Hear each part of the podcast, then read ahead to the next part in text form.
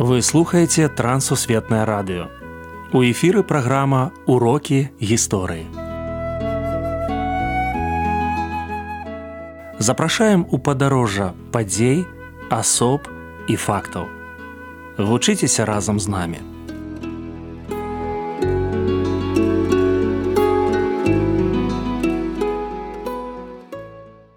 Добры дзень сябры. У мікрафона сяржук брышцель і кандыдат гістарычных навук Андрусь унучак. Сёння мы пагаворым пра мікалая радзівіла чорнага.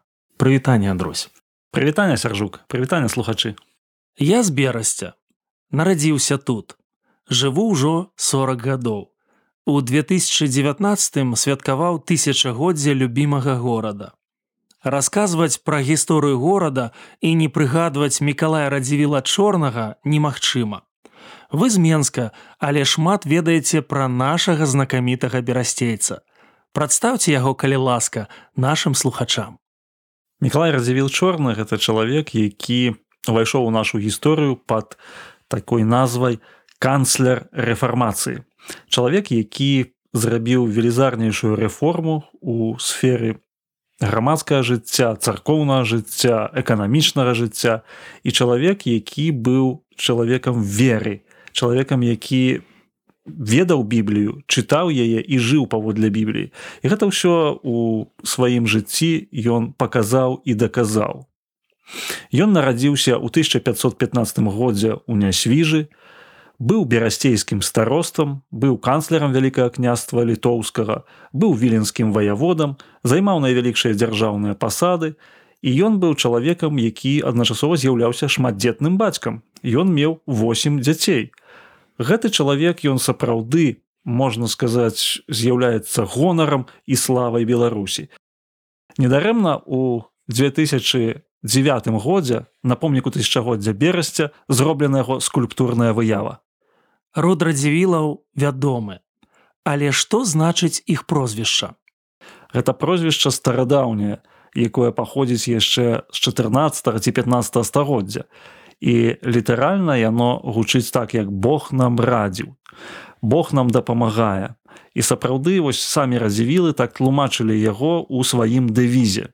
І таму ось радзіць, дапамагаць і у гэтым сэнсе этымалогія слова радзівіл прозвішча радзівілы яно паходзіць ад дэвізу Бог нам радзіць Я скажу што адразу можна меркаваць што яно паходзіць менавіта з такой хрысціянскай традыцыі Мікалай радзівіл чорны быў вельмі актыўным і таленавітым чалавекам Ён пражыў 50 гадоў Якое на ваш погляд яго самае вялікае дасягненне добрае пытанне але разам з тым яно і складанае бо дасягненняў было шмат.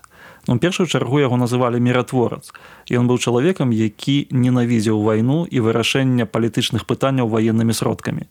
Дзякуючы яму была заключана веданская унія з лівоніяй і лівонія яна ўвайшла ў склад вялікага княства літоўска добраахвотна. Это сучасная Латвія і частка эстоніі якая прыйшла пад абарону вялікага княства ад маскові Ён правёў найвялікшую эканамічную рэформу валочную памеру 1557 годзе, якая дазволіла стварыць роўныя эканамічныя умовы для ўсіх гаспадароў нашай старадаўняй дзяржавы. І разам з тым, безумоўна, сам ён лічыў найвялікшым сваім дасягненнем друк бібліі ў берасці ў 1563 годзе перад бібліяй выйшаў берасцейскі канцыянал перад бібліяй выйшаў яго адказ папскаму нунцыю алаізу ліпаману але біблія гэта стала найвялікшым дасягненнем якое праславіла яго імя. Гэта была другая ў свеце біблія дзе быў разбіўка на раздзелы на вершы дзе быў план чытання дзе былі прадмовы, дзе была прысвячэнне каралю і вялікаму князю літоўскаму. І гэта біблія да гэтага часу з'яўляецца адным з сімвалаў горада берасця і адным з сімвалаў Беларусі. Я лічу гэта найвялікшым ягоным дасягненнем. І трэба ведаць той час, калі гэта было 1563 год, час найцяжэйшай вайны з маскоўскай дзяржавай. Ён дае вялікія грошы не на войска, а на біблію. І як паказвае гісторыя, вялікае княства літоўскае перамагло ў гэтай вайне а біблія стала сімвалам краю У 2016 і 2019 у берасце быў паказаны спектакль Біблія князя Радзівіла. Вы аўтар сцэнару. Чаму ўзяліся за гэтую працу і што спрабавалі данесці гледачам? Я хацеў паказаць нават не толькі я, а ўвесь калектыў, бо працавала над гэтай п'есай насамрэч некалькі чалавек.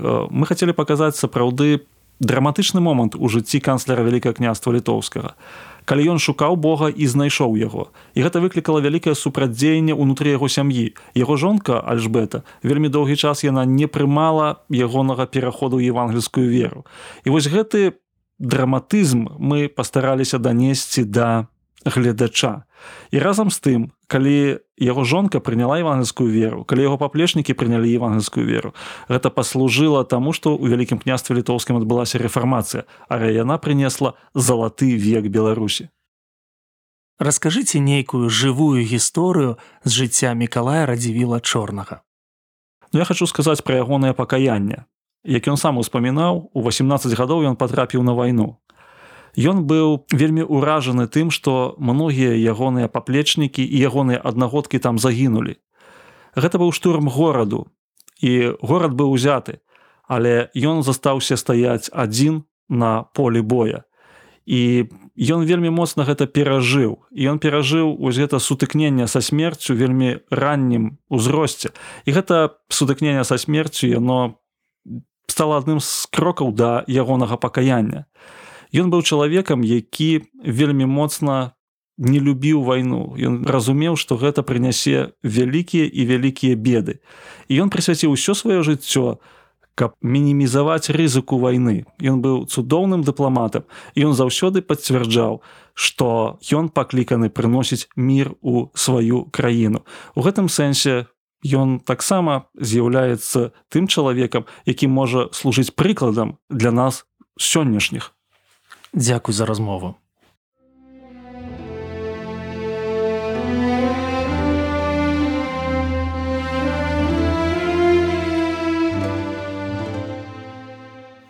Найвялікшае дасягненне Миколая радзівіла чорнага друк знакамітай бібліі, шэдэўра эпохі рэнесанса.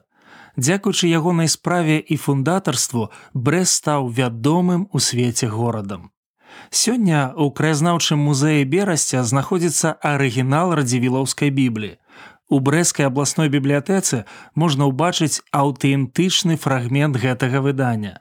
А на скрыжаванні вуліц Пушкінская і Кірава падысці да памятнага знака брэскай бібліі. Яго ўжо сёння называюць сэрцам горада. Насамрэч, на камяне ідэя 1563 года важна карыстацца біблійнымі ведамі. Я вось думаю, наколькі гэта папулярна і актуальна сёння. Размова не пра канфесіі, а пра маральныя прынцыпы. На мой погляд, не так важна, хто надрукаваў знакамітую біблію, важна, што ў ёй напісана. Для мяне як берасцейца Миколай радзівіл чорны гэта неверагодны прыклад дыпламата, кіраўніка горада і краіны. Ён з біблія ў руках. Менавіта такая выява ў 2009 годзе трапіла на помнік тысячагоддзя берасця. Як бы змянілася наше жыццё, каб кожны грамадзянин краіны сёння, як і Миколай радзівіл чорны калісьці, трымаў яе адкрытай.